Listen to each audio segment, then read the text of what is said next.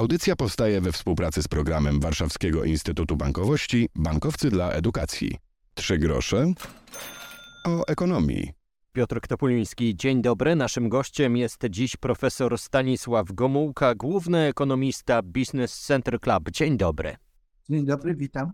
Rozmawiać będziemy o inflacji, kolejne nowe dane, szacunki i później tych szacunków realizacja, liczby, o których mówią politycy o których rozmawiamy często przy e, stole, nawet jeśli nowe dane są nieco niższe od tych, które mieliśmy miesiąc temu, to nadal pozostają wysokie. Co więcej, kilkanaście procent inflacji mm, w porównaniu choćby do 20% nie oznacza, że te ceny przecież spadają. Oczywiście, ale mamy prognozę Narodowego Banku Polskiego, która mówi, że szczyt inflacji będzie dopiero w lutym. E, może nie na poziomie około 20%, jak oczekiwaliśmy niedawno, może to będzie 18%, ale w każdym razie e, na razie w pierwszych dwóch miesiącach należy oczekiwać raczej wzrostu inflacji. Dopiero po lutym, w trakcie roku, możemy oczekiwać e, rzeczywiście zmniejszania się inflacji i to będzie zapewne e, e, skutek nowej polityki, czy bardziej takiej antyinflacyjnej Rady Polityki Pieniężnej, która zdecydowała się na znaczne podwyższenie stóp procentowych. Gospodarka zwykle reaguje na takie działania z opóźnieniem, jakieś 3-4 kwartały, no i właśnie y, oczekujemy, że właśnie przez y, te kwartały od drugiego do czwartego w tym roku e, e, będzie ta reakcja i będzie to zmniejszanie. Tylko, że zmniejszanie nie do takiego poziomu, jak byśmy chcieli, to znaczy właśnie gdzieś w, pobliżu celu inflacyjnego, e, tylko zgodnie zresztą z oceną Narodowego Banku Polskiego, oni oczekują, e, że ta inflacja spadnie gdzieś około 13-14%, e, e, gdzieś w pobliżu 18 powiedzmy w lutym.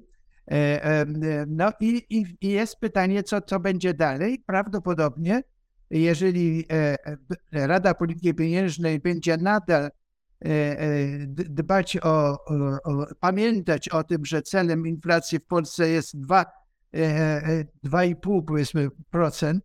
E, no i biorąc pod uwagę to, co się dzieje na rynkach światowych, w szczególności jeżeli chodzi o ceny energii, e, które już nie rosną, raczej tu i ówdzie spadają, również na rynku żywnościowym na świecie jest pewna poprawa, to nie, nie mamy jakiegoś silnego wzrostu płac ani w Polsce, ani gdzie indziej, więc to też E, e, jest czynnik, który powoduje, że moja ocena e, tych perspektyw jest zbliżona do tej NBP, to znaczy nie będziemy mieć takiego silnego zmniejszania inflacji, ale wyraźne z możliwością spadku inflacji gdzieś, do, gdzieś w pobliże powiedzmy 5% w, w, w trakcie przyszłego roku.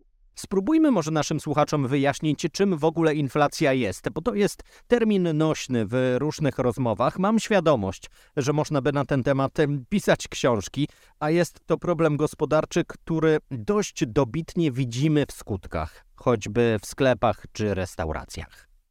Główny Urząd Statystyczny podaje wzrosty cen dla e, różnych grup towarów e, i z tych komunikatów GUS-u widać wyraźnie, że mamy duże zróżnicowanie inflacji w zależności od y, y, tak, tak zwanego koszyka y, konsumpcyjnego gospodarstw domowych.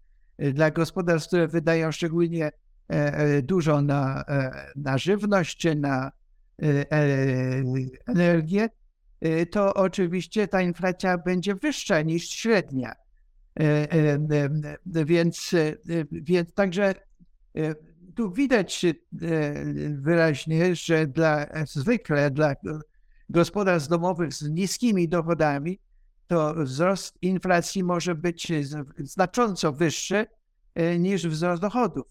E, no, czyli to zwykle oznacza taka, taki proces dezinfla- ograniczania inflacji, że mamy do czynienia z kosztami, z kosztami takimi jak na przykład silne zmniejszenie tempa wzrostu gospodarczego. My oczekujemy, prawda, w tym roku przecież nie no, tempa wzrostu 4-5%, ale gdzieś około między 0 a 1, może bez 0 a 2 najwyżej. A, a, a, a może też być na kwartał, gdzie może być spadek poziomu PKB.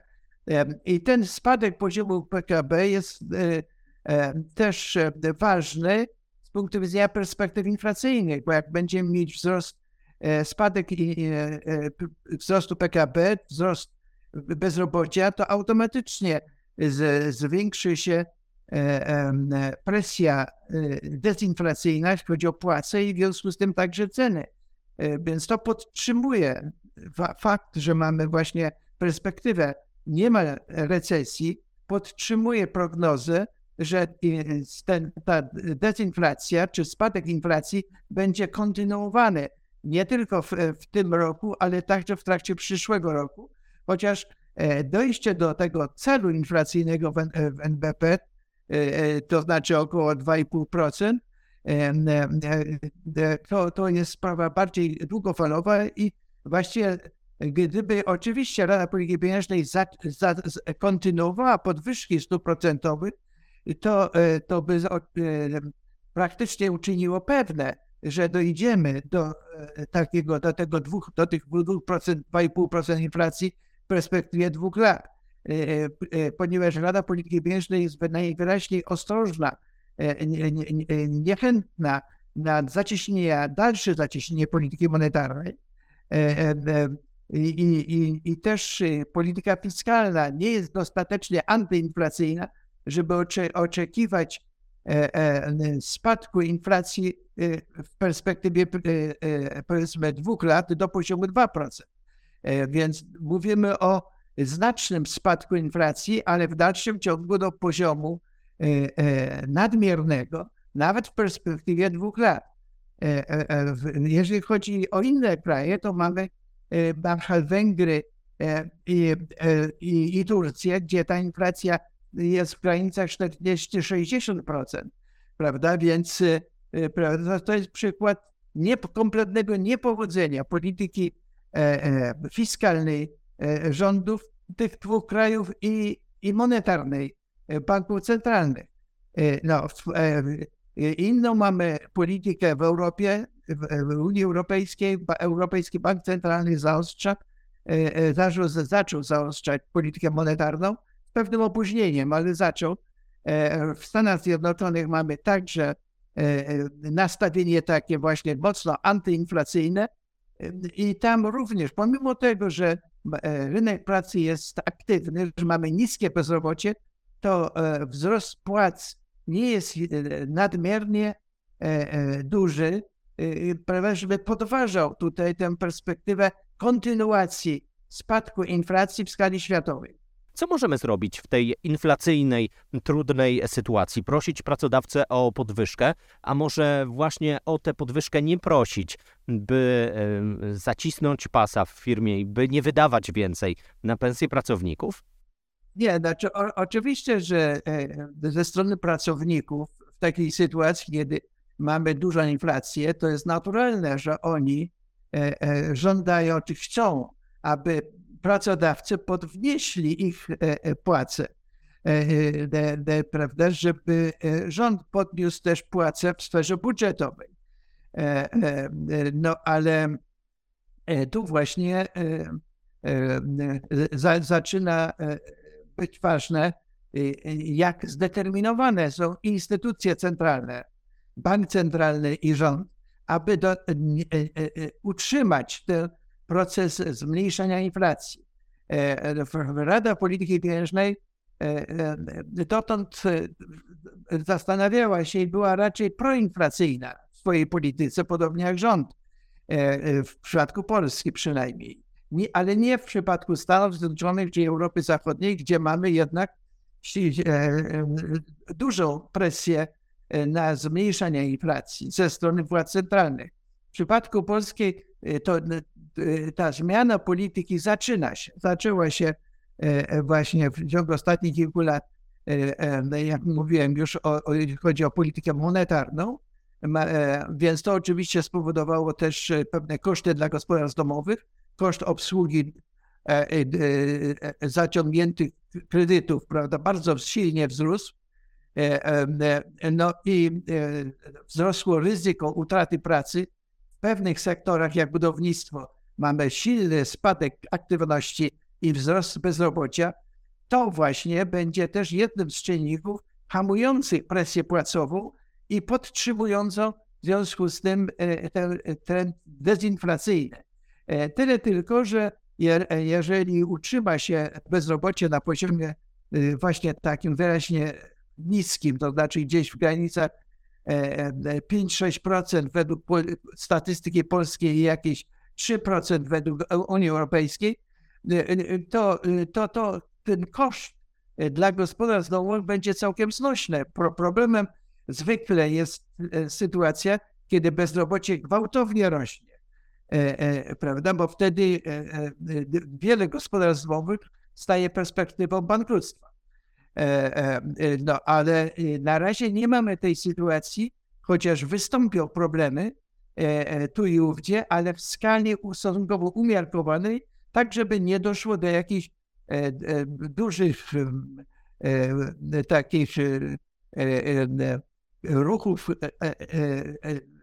destabilizacyjnych społecznie, do wieców, do strajków, prawda? To raczej wydaje mi się, że tego nie dojdzie, że, że, że stopa bezrobocia jest na tyle niska i, i będzie nadal niska, żeby nie było problemu jakiegoś masowego wzrostu